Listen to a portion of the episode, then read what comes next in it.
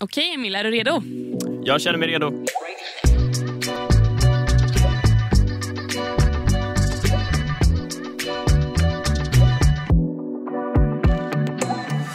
Då kör vi igång och jag säger hej och välkomna tillbaka till Breakit Podcast. Mitt namn är Åsa Johansson. Jag är programledare för den här podden och dessutom reporter på Breakit. Och eh, med mig här i studion, återigen välkommen min reporterkollega Emil Widhagen. Stort tack. Kul att vara här igen. Är det bra? Det är det. Följt hela OpenAI-härvan som de flesta andra gissar jag. Alltså, ja, verkligen en härva. Och vi ska ju eh, bjuda på lite analyser och tankar kring allt det här som har hänt och kanske fortsätter hända. Vem vet? Eh, men först Emil, har du något att säga? Yes. Um, jag vill börja med att lyfta vår sponsor Swedbank som är med oss under året. Tillsammans har vi gjort allt från webbinar och specialpoddar, native-artiklar på olika aktuella områden för dig som är företagsledare eller entreprenör. Just nu kan du läsa en eh, väldigt inspirerande native-artikel på breakit.se om ett bolag i Skåne som fått hjälp av Swedbank. Och de har hittat ett spännande grepp för att råda bot på en stor klimatrelaterad utmaning för hela samhället. Då. Så sök på Skånebolagets rivstart på breakit.se så hittar du den intressanta artikeln där. Ja, tack Emil. Det får man ju såklart inte missa. Men nu så, vi har ju vårt eh, upplägg i vanlig ordning med våra möten, snackisar och köp och sälj. Och eh, ja, men jag hugger in på mitt möte som jag haft eh, visserligen eh, förra veckan. Hade tänkt snacka om det då men jag blev lite hostig så vi snackar om det den här veckan istället. Och eh, jag har träffat en person som heter Rim Alexandra Halfaja. Har du koll på henne? Inte alls faktiskt. Ja, men hon är grundare av eh, SaaS-bolaget Combify som vill digitalisera information om eh, bygg och eh, fastighetsprojekt. Hon dyker upp i Breakits spalter lite då och då. Men nu så har jag tänkt att ja, men hon, hon har nog en spännande story här så jag ville göra ett eh, reportage helt enkelt. Och hon har faktiskt en helt eh, otrolig historia. Hon växte upp i Dubai men 14 år gammal så blev hon påkörd av en bil och överlevde verkligen mirakulöst. Och några år senare kom hon till Sverige för specialistvård. Och mer detaljer om allt det här det går att läsa i det här reportaget som kommer nu i helgen. Men det var bara för vården då och inget annat? Egentligen. Nej precis, hon kom hit för specialistvården. Mm. Men hon kom hit helt ensam, eh, 16 år, man är väldigt ung. Eh, och hon fick spendera jättemycket tid på sjukhus som hon gjort eh, innan då också såklart. Och totalt har hon genomgått 34 operationer. Men hon har eh, kämpat på och eh, ja, efter några år i Sverige så träffade hon en person som heter eh, Ala Aslav och eh, ja, Han var en arkitekt och en frustrerad sådan eh, som menar att nej, det behövs ett eh, digitalt verktyg för att eh, hjälpa byggbranschen framåt. Så de startade Combify tillsammans. Och nu de senaste åren har de tagit in 35 miljoner kronor i ett par rundor, bland annat från Backing Minds och eh, Bonnier Ventures. Och eh, ska ta in mer nu i vår och sikta på att bli lönsamma under nästa år. Det låter verkligen som att hon har en story att berätta om och sådär och säkert mycket att prata om. Eh, vad kände du? Vad tog du med dig från mötet? Nej, men framförallt så blev jag väldigt inspirerad av hennes kämparanda. Eh, förutom liksom bolagsbyggande, liksom hennes driv att, att återhämta sig så, så gott man kan efter en sån olycka hon var med om eh, och flytta till ett nytt land helt ensam. Och hon sa bland annat att nej, man kan inte gå runt och vänta på att andra bara ska ge en saker gratis. Liksom, du måste skapa din egen plats i näringslivet och du måste verkligen ta den. Och när man väl hamnar då med, med rätt grundare, kollegor eller investerare så, så bryr de sig inte om, om någonting annat. Liksom, utan när man hittar rätt då har man hittat rätt men man måste verkligen claima sin plats. Eh, så att säga. Och, ja, nej, men det kändes väldigt inspirerande. Ja, det låter som en intressant story att läsa mer om i helgen. Då. Ja, men det får ni verkligen göra. Men nu vill jag höra om ditt möte. Ja, men, eh, mitt veckans möte blir med Ida Herbertsson som leder något som heter Skåne Ventures. Mm, nästan varit inte lite... hört talas om faktiskt. Nej, då ska jag berätta. Eh, ja, men det var nästan lite svårt att välja eh, den här veckan. Eh, delvis för att jag var nere i Skåne här en veckan som jag tror jag nämnde podden att jag skulle. Eh, ja, ner till Malmö. Precis. Eh, och eh, det var många intressanta möten där, personer och startups där som kanske flyger lite under radarn från mm. vad vi och andra ofta bevakar och känner till och sådär. Eh, det var ett eh, coolt, lite mindre ekosystem. Eh, alla känner alla i större utsträckning än vad det är här kanske och det blev lite lite som att man fick uppleva det som Breakit-veteranerna har berättat om hur det var här för kanske tio år sedan när man kunde se Daniel Ek och eh, Klarna Sebastian på samma event glida runt och mingla. Liksom. Så det var lite kul bara det. Eh, ja, men så Ida Herbertsson får symbolisera lite mitt möte med Skåne. Hon eh, har dragit igång eller leder en ny investeringsstruktur okay. eh, som har lite som syfte att föra samman Skåne. Eh, flera av de som Breakit var i kontakt med där och innan och sådär. Liksom lyft upp. Alltså föra samman entreprenörer Nej, men föra samman liksom, eh, startup-ekosystemen i de olika delarna av okay. Skåne kan man säga. Ja, cool. och mer att det hade blivit bättre de senaste åren redan innan men att det fortfarande kanske inte liksom, supertäta skott. Det är ändå ganska kort, kort avstånd mellan Malmö och Lund och mm. Helsingborg och sådär men att det kanske ändå inte har samarbetat supermycket. Så typ att det hade låtit som att Lund ligger på andra sidan jorden ibland. Det är 20 mm. minuter bort. Ja. Eh, så att, eh, ja, men det handlar om att de ska förena sina styrkor, göra en ny investeringsstruktur där de investerar gemensamt. De olika inkubatorerna ska ta in 50 miljoner för att göra väldigt, väldigt tidiga investeringar. Då. Så typ första, första som görs i bolaget egentligen.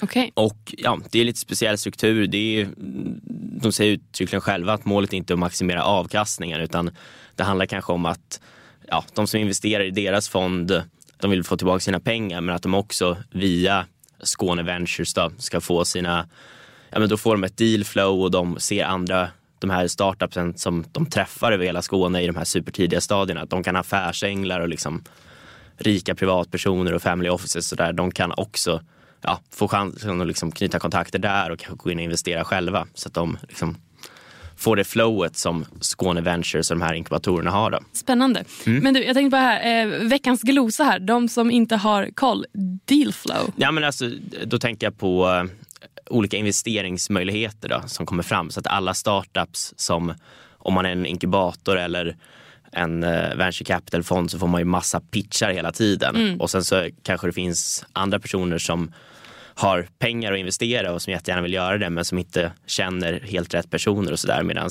de här mer centrala eh, liksom nätverkspersonerna får in alla de här möjligheterna så då blir, kan man matcha ihop det så, så att säga. Snyggt! Ja, vad man lär sig mycket i Breakit Podcast. Ja, det tycker jag. Nej, men så det, det blev, liksom ledde fram till annat också. En av de som investerar i de här är eh, en fondinvesterare som heter Saminvest alltså som är statlig och nu mm. har vi en eh, intervju på gång med dem också. Ska prata om varför de kanske har en viktigare roll att spela när andra fondinvesterare går ur och sådär. Eh, så att många bra följdeffekter därifrån. Jag tänkte också lite på att eh, Stefan Lundell som var i Göteborg gjorde ungefär samma sak som jag gjorde där eh, och rapporterade därifrån några mm dagar. Han kom hem med ungefär exakt samma intryck och liksom fan vi måste, måste bevaka den här regionen mer också framöver. Så jag tänkte mm. bara vad, vad, är dina tankar om det här Åsa? Hur, hur kan vi göra det bättre? Alltså jag håller helt med. Alltså, egentligen så... Det bästa vore ju om vi hade en liten redaktion i de delarna av landet. Sen mm. kanske inte det är möjligt då, så hur gör vi då? Ja, men, ja, men dels sådana här saker som, som ni gjorde nu. Ni var där på plats, träffade lite folk, byggde lite nätverk. Men eh, hör av er ni som lyssnar. Råkar ni vara av, någonstans i landet som inte är Stockholm, hör jättegärna av er. Och det är såklart inte bara Göteborg eller Malmö utan ja, vart som helst som inte är Stockholm. Vi vill såklart eh, sätta er på kartan också. Jag håller med. Så ja, mig når ni på asa.break.se. Mig når ni på emil.break.se. Ja. Men du Emil, som vi nämnde inledningsvis här så tycker jag att vi går vidare till vår första snackis som är de många, många, många turerna i OpenAI. Du hugger in. Ja, men det är väl lika bra att göra det. Och ja, men Man kan verkligen kalla det här för en karusell och vi tänker inte dra hela historien här. Det blir helt enkelt alldeles för långt. Men kort sammanfattat kan man ju säga så här att det, det brakar ju loss där i fredags kväll, alltså av det det är nästan en vecka sedan nu. Då det meddelades att eh, Sam Altman, medgrundare och vd på OpenAI, plötsligt fått sparken. Och skälet det var eh, men, eh, ganska luddigt men handlade i breda penseldrag om att han inte skulle ha varit helt ärlig i sin kommunikation mot eh, styrelsen. Och det här beslutet om att han då skulle ha sparkats från bolaget det meddelades utan att eh, tunga investerare som Sequoia och storägaren eh, Microsoft blivit informerade. Och beslutet fick dessutom styrelseordföranden och eh, OpenAIs medgrundare Greg Brockman att avgå i protest. Och över 700 av eh, OpenAIs anställda undertecknade ett om en typ av brev där de hotade med att hoppa av om det här skedde. Då. Och Sen kom nästa drag i spelet under eh, måndagen när Microsoft meddelade att nej, men, nej, de anställer nu faktiskt Sam Altman och Greg eh, Brockman eh, för ett nytt AI-projekt, alltså på Microsoft. Eh, men då spekulerades ju i flera medier att det var ett spel för gallerierna i syfte att få styrelsen ehm, alltså på OpenAI att då avgå och att Sam Altman skulle återinställas som vd. Och så igår va, meddelades att Sam Altman blir vd på OpenAI igen och att då bolaget ska få en ny styrelse. Så, ja, Tillbaka till det normala, trodde ja, man kanske. Precis. Eller? Frågetecken där. För nu under morgonen så rapporterade media att flera forskare i teamet varnade styrelsen för en AI-upptäckt som de menar har potential att ja, utgöra ett hot mot mänskligheten precis innan Sam Altman fick gå. Oh, det, här, ja, det här väcker såklart mängder av frågor. Hela den här eh, härvan, karusellen och det, ja, de nyheterna som vi fick höra nu i morse. Mm. Vad är det första du tänker om allt det här, Åsa? Jo, men, eh, alltså jag tänker först och främst, så här, okay, vart AI tar vägen kommer att påverka vår vardag och därmed eh, våra liv. Och de som sitter på makten över ja, men vart AI faktiskt tar vägen är Sam Altman tillsammans med Microsoft och Google. Så det är en ganska liten klick egentligen. Um, så då undrar man ju, men vad handlar de här turerna i OpenAI om, om egentligen? Grundar det hela sig liksom i en sån här lönsamhet versus idealism eller är det helt enkelt en maktkamp mellan människor? Eller är det både och? Liksom OpenAI eh, har ju byggt ChatGPT eh, som i sin tur har skapat eh, ja, men hela den här eh, hypen som vi har kring AI idag. Och det är ju den första riktiga AI-produkten som har nått en, en massmarknad. Men med det sagt så liksom, alltså ett syfte med OpenAI från början det var ju att det skulle vara en icke vinstdrivande eh, ja, men kraft som skulle vara ledande på AI-utveckling. Och då kan man också tänka sig att, okay, att styrelsen då som sparkade Altman kanske ansåg att, att bolaget drevs för kommersiellt och inte ägnade sig tillräckligt åt, åt säkerhetsproblem. Och det tänker jag på i och med att personen som då skulle ta över som tillförordnad vd efter Altman är en person som heter Emmett Shear. Eh, och han är medgrundare till streamingtjänsten Twitch och har flera gånger varnat för farorna med AI. Eller vad tänker du Emil? Ja, men åtminstone fram tills i morse då, så kändes det ju ganska solklart att konflikten handlade om eh, någon slags konflikt mellan kommersialisera produkten ytterligare, ta ytterligare steg åt det hållet eller liksom bromsa eh, in och mer vara en försiktig etisk spelare, mm. non-profit grejen mm. helt enkelt. Eh, nu är det väl eh, lite svårare att säga exakt vad som hände men eh, någonstans är ändå det liksom kärnan till konflikten fortfarande eh, kan man väl säga. Sen är väl hela bolagsstrukturen i sig, eh, det är ju ett ämne, ämne som man verkligen kan prata länge om och det är en ganska mm. unik situation att det ens kan bli så här till att börja med. Det är, det är ganska ovanligt med att man både har non-profit och profit i samma, samma bolag. Eh, ganska ovanligt att man kan ha att typ alla investerare är emot eh, styrelsens beslut, typ alla anställda, men att det ändå inte är liksom solklart vad som händer sen. Mm. Vad tror du då, Åsa? Varför eh, protesterar de anställda mot att Altman sparkades? Jag menar så här, eh, ja, med honom som högsta chef har ju OpenAI gått från att vara en ganska anonym forskningsorganisation till att bli det bolag som verkligen definierar AI utvecklingen liksom världen över. Och som vår kollega Olle Aronsson eh, resonerade om häromdagen så kan man ju tolka att de anställda protesterar för att nej, man vill att han fortsätter driva den här utvecklingen. Men man kan ju också tänka sig att de anställda som äger delar av bolaget ser Altmans återkomst som ett sätt att eh, återställa värdet på aktier. Men jag tänker också så här att det måste ju vara ganska alltså, speciellt och alltså, det måste ju vara ganska speciell vibe på OpenAI. Alltså, det är ju ett, ett av de få bolag som liksom har makten som sagt över vart AI tar vägen. Så det skulle inte förvåna mig liksom om, om det här är ett team som är, alltså de är många hundra folk men det känns ju ändå som att man kanske är ganska typ trogen organisationen, trogen sin ledare för att tillsammans ska man ju förändra världen bara man ser till sitt eget team, liksom, att man blir ganska tight efter inte alls så lång tid. Liksom, och man har sin liksom, eh, vision och mission och så vidare. Liksom. Eh, men här är det någonting som verkligen... Ja, det är nästan nordkoreanska förtroendesiffror för Sam Altman.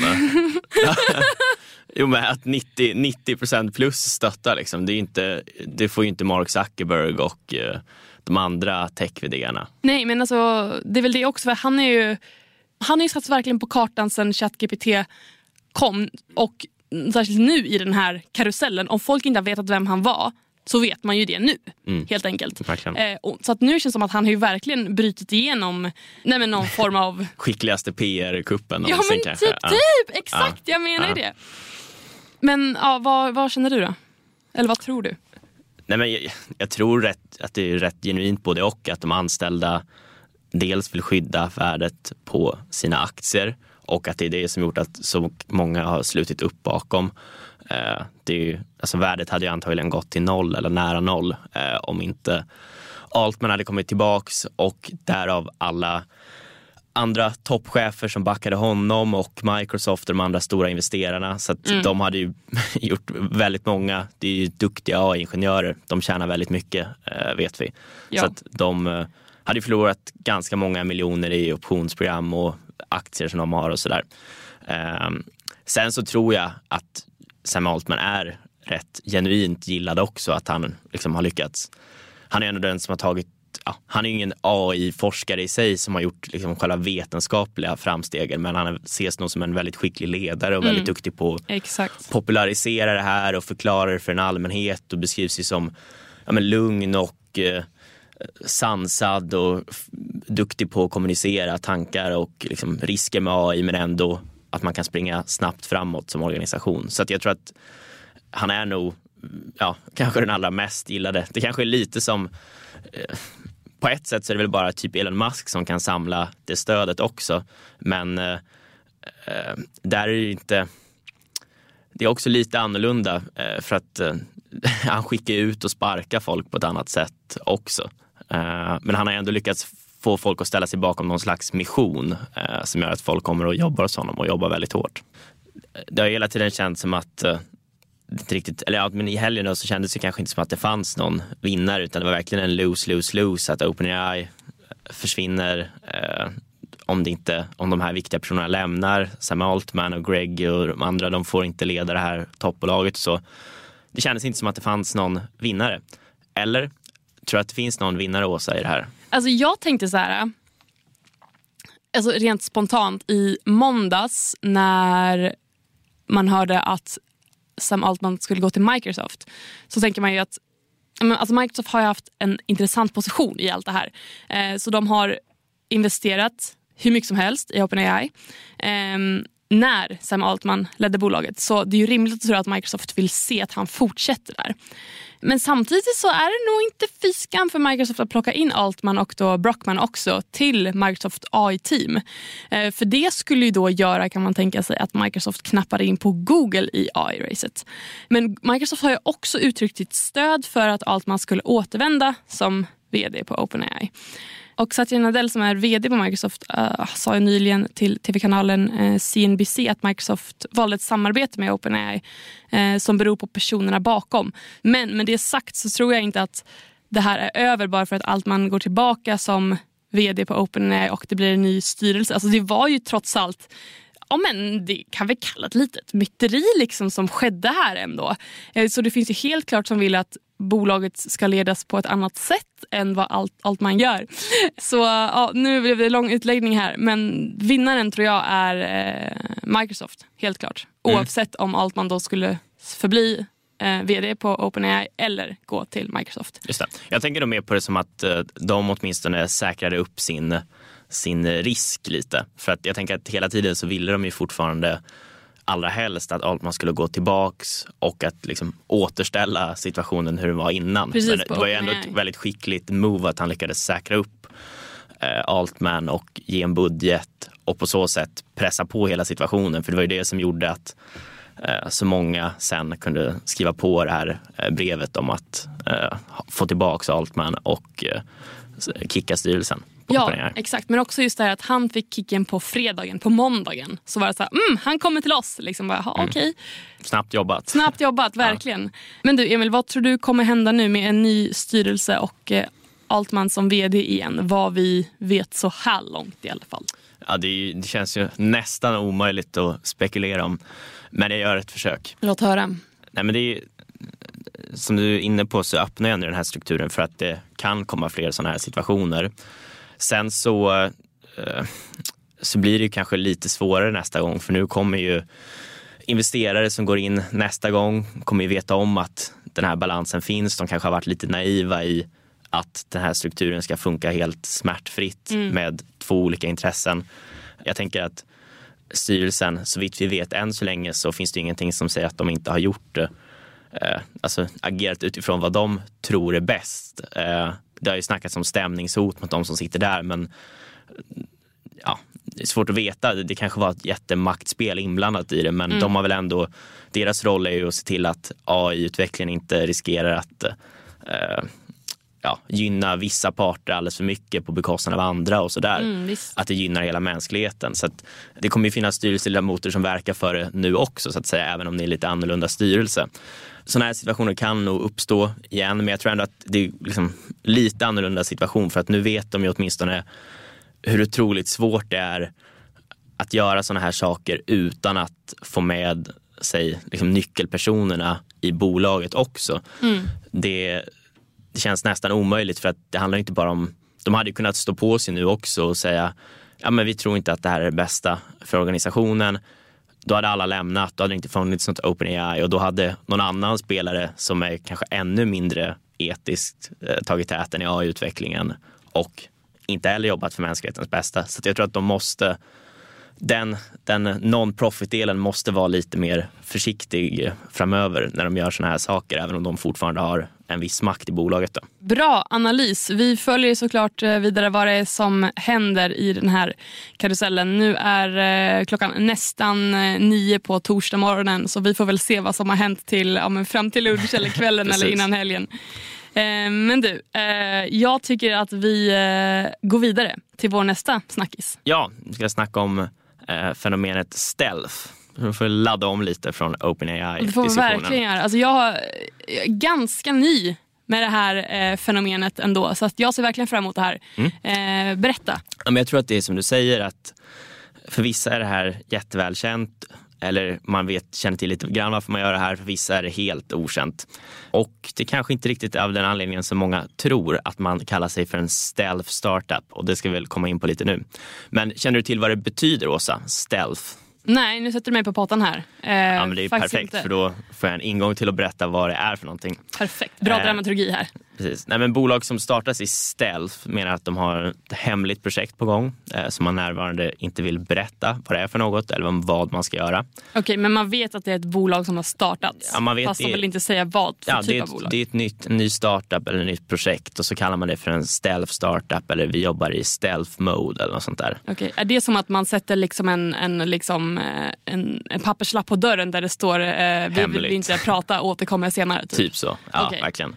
Um, och ofta gör man det här med den officiella förklaringen då, att uh, man kanske inte vill läcka information till konkurrenter eller att nej, det känns onödigt att berätta vad vi ska göra. Vi vill fokusera på att bygga vår produkt nu och uh, så kan vi prata om det sen när mm vi har mhm. kommit längre. Och det som är lite intressant är att det här ökar och det kan man se för att det finns en startup på LinkedIn som är som ett vanligt företag fast det är ett fiktivt företag. Då. Och där listar man sig då om man eh, har dragit igång en sån här stealth startup. Eh, och vi kan se att eh, på det största sådana här företaget så har, har eh, antalet anställda har ökat med 72 procent senaste året och 198 procent eh, om man jämför med för två år sedan. Så det är någonting som fler och fler gör och kallar sig för att man jobbar i stealth eller att man är en stealth startup. Vi backar lite här. Ja. Så, alltså, varför gör man det här? Är det, helt enkelt bara för att man inte vill eh, ge någon form av information alls om det här bolaget och det vill man inte göra för att eh, konkurrenter inte ska höra mm. talas om det eller att någon annan inte ska kopiera ens idé? Eller? Ja, men så här, det, det är kanske det man säger och det kanske kan vara en del av förklaringen. Eh, sen så är det ofta en helt annan viktig förklaring till det också. Eh, att man taggar in stealth i sina sociala medier. Och det är inte att man vill hålla det hemligt. Utan eh, det handlar ofta om att grundare insett att VC-fonderna de har personer som noggrant bevakar sökordet stealth på LinkedIn. Och det betyder att om man mm. taggar in det där, då fångar man också investerarnas blickar nästan omgående när man har taggat in det. Så att det blir ganska motsägelsefullt att man skriver något lite luddigt, man får med lite buzzwords att nu ska jag göra någonting med AI. Jag har jobbat här och här innan och sen så inte så mycket mer än så. Då tänker investerarna, shit det här är det nya som jag inte får missa. Att de får lite typ FOMO?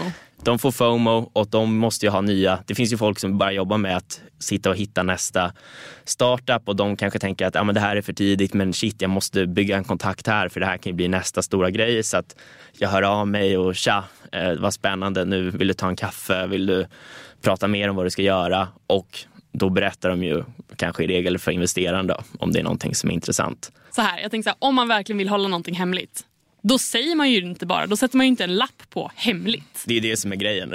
Om man verkligen vill hålla det under radarn då taggar man väl inte in något nytt bolag på LinkedIn? Nej, eller bara... exakt. Men så att det här är då lite som ett, en, ett sökord för att man ska hittas av VCs. Ja, en konkret matchmaking-funktion. Du har pratat med vissa investerare som säger att det är en liksom, viktig del av hur de bevakar bolag och sådär. Så egentligen det här ordet eh, använder man för att spela på riskkapitalisters FOMO? Ja, till väldigt stor del skulle jag säga att det är så. Men det är ändå smart, alltså man vet att det är så, varför inte? Verkligen, då får man hata spelet och inte spelarna som man brukar säga. Exakt. Men du, eh, jag tänkte på en sak, för igår när vi snackade eh, lite snabbt om det här och du sa att du ville prata om det här så nämnde du att du har gjort ett litet eget experiment på det här temat men du har inte avslöjat vad det är. Men nu tycker jag att, nu får du faktiskt säga, vad är det du har gjort?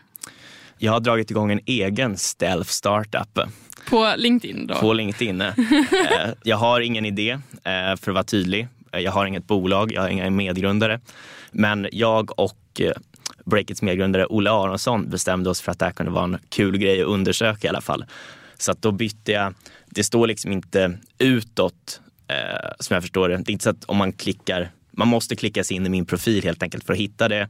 Eller då söka på eh, stealth så ska jag komma upp så det är liksom inte så att jag annonserat ut i inlägg och sådär och jag är inte aktiv heller. Så jag tror inte att så många klickar sig in i min profil utan anledning utan det handlar ju framförallt om de som, eh, ja, om man söker efter det specifikt så hittar man eh, mig under den taggen. Då. Jag lät ChatGPT skriva en eh, beskrivning av vad jag skulle göra eller vem jag var liksom, för att mm. sälja in mig på helt rätt sätt. Väldigt i tiden. Så jag skrev “As a business journalist with a front row seat to Swedens leading tech industry I'm excited to share a side venture in the works. Operating in stealth mode, I'm leading a new startup that merges my passion for AI and media. Stay tuned for the big reveal. Oj, oj, oj. Vilken investerare skulle inte nappa ja, det, på det här? Jag fick med buzzwords och sådär, allting. Ja, man, verkligen. Skrev du det när du, när du bad ChatGPT att göra en? Skrev du använd alla buzzwords? Typ så. Typ. typ så. Uh, jag har inte fått några term sheets rätt in i mina LinkedIn DMs.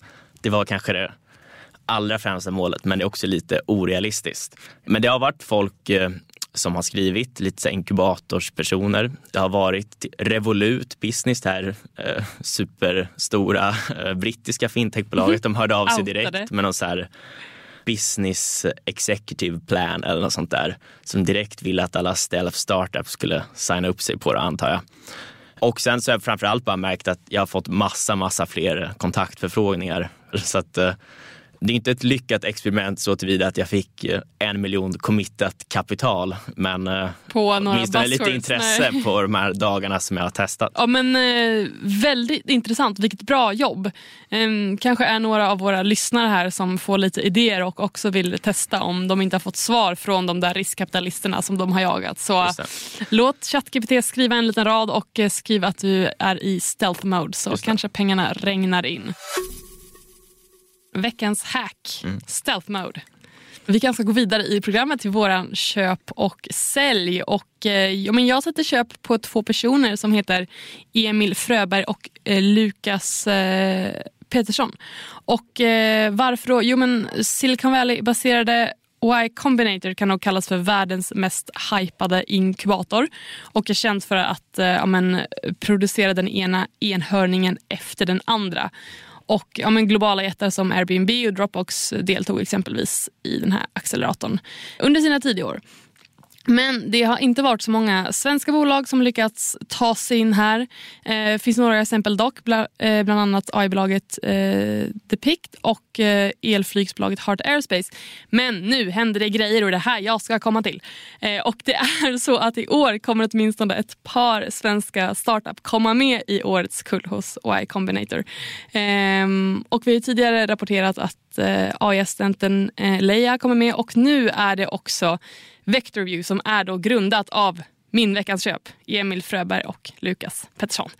Det blev en lång dragning för att komma till kontentan, men eh, köp på dem helt enkelt. Kul att eh, lite mer eh, svenska representanter är med därifrån, eller ska jag inte säga svenska representanter, men från det svenska startup-ekosystemet. Mm. Ja, jag pratade ju faktiskt med någon när de hade kommit in där också. Vad sa de då? Eh, ja, men det, det verkar spännande, de var i ett tidigt stadie och sådär. Eh, så svårt att säga för mycket om själva grejen. Men eh, var de glada? Ja, de verkar vara eh, skickligt team och de verkade väldigt glada. Jag hoppas bara att de eh, faktiskt eh, eh, kommer hem till Sverige med insupen Silicon Valley-kunskap och inte fastnar där. För det lät som att de eventuellt övervägde det också. Det är roligast för oss som vi har spännande bolag kvar här att rapportera om och följa. Oj, oj, oj, vi får väl se helt enkelt. Ditt köp den här veckan, vad är det för något? Mitt köp det blir de okända täckspindlarna. Okända täckspindlar, vad är detta? Nej, men det är, för lite kontext så har vi gjort lite olika knäck inför eh, vår scale-up-turné som faktiskt går i mål idag i Stockholm. Ja.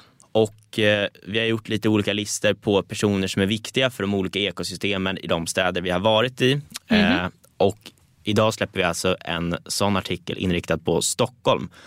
Och där det största ekosystemet då, i Sverige och gör väl att ja, folk kanske känner till de stora investerarna så där redan sedan innan. Mm. Men det eh, som vi lyfter nu är de okända spindlarna. Så det kanske är de som är väldigt bra på att nätverka eller skapa bass eller hjälpa till med rekryteringar. Personer som kanske har en formell roll som investerare eller som entreprenör men som också, eh, det finns ju de som gör sitt jobb och sen går de hem och mm. så är det bra så. Medan det finns andra som liksom rör sig i alla de heta sammanhangen och känner alla personer.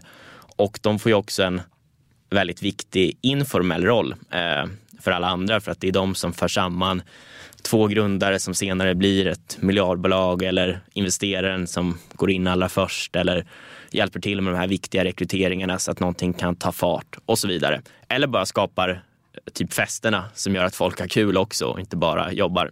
Så att vi, vi skrev om de eh, liksom 199 viktigaste änglarna. Det är en grupp som inte har fått jättemycket uppmärksamhet alltid mm, liksom, tidigare i våras. Nu tar vi nästan ännu ett steg eh, eh, längre ner i termer av kändhet och lyfter spindlarna. Så kanske är personer som man alltså. känner till eh, sen innan men man får lite ny info och lite viktig eh, runt omkring information som kan vara intressant. Spännande. Det här måste man ju såklart läsa. Och om du som lyssnar känner att Nej, men du är nog ändå en textspindel ändå. Eh, hör jättegärna av dig så kanske vi kan snacka lite mer.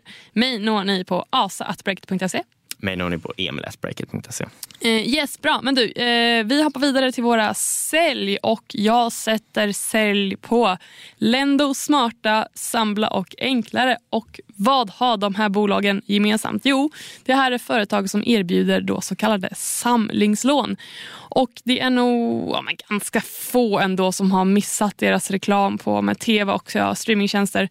Um, och ja, de här försöker ju på eh, ett eller annat sätt överträffa varandra i att vara roligare eh, när det gäller att marknadsföra sina samlingslån. Då.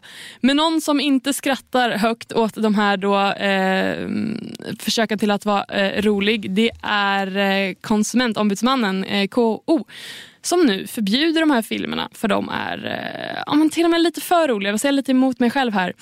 Mm. Men kontentan är i alla fall att den här myndigheten menar att eh, man kan få intrycket av att lånet är ett lätt och nästan lite skojigt sätt att lösa ekonomiska eh, problem på. Eh, men sån lånereklam är inte tillåten. Så att, ja, sälj på de bolagen helt enkelt. Jag tror att det är ett problem för dem då, att de inte får göra den här sortens reklam längre. Det känns ju ändå lite spontant som att de har eh, ja, att det är en del av affärsmodellen om flera aktörer gör det så att man ska göra de här lite roliga videoserna. Eh, ja absolut, men om ingen får göra det så känns det som att ja, då får man eh, alltså, skriva om spelreglerna eh, mm. lite grann. Mm. Eh, för nu om, om de här aktörerna inte tänker om så kan de få betala vite på mellan en och en och en halv miljon kronor. Och det kanske man inte vill göra riktigt. Nej. Nej. Vad har du för sälj Emil? Ja, men min veckans sälj det blir en person som nog framförallt har hyllats hittills i eh, Breakit och många andra mediers historia. Och det är Carl Pay.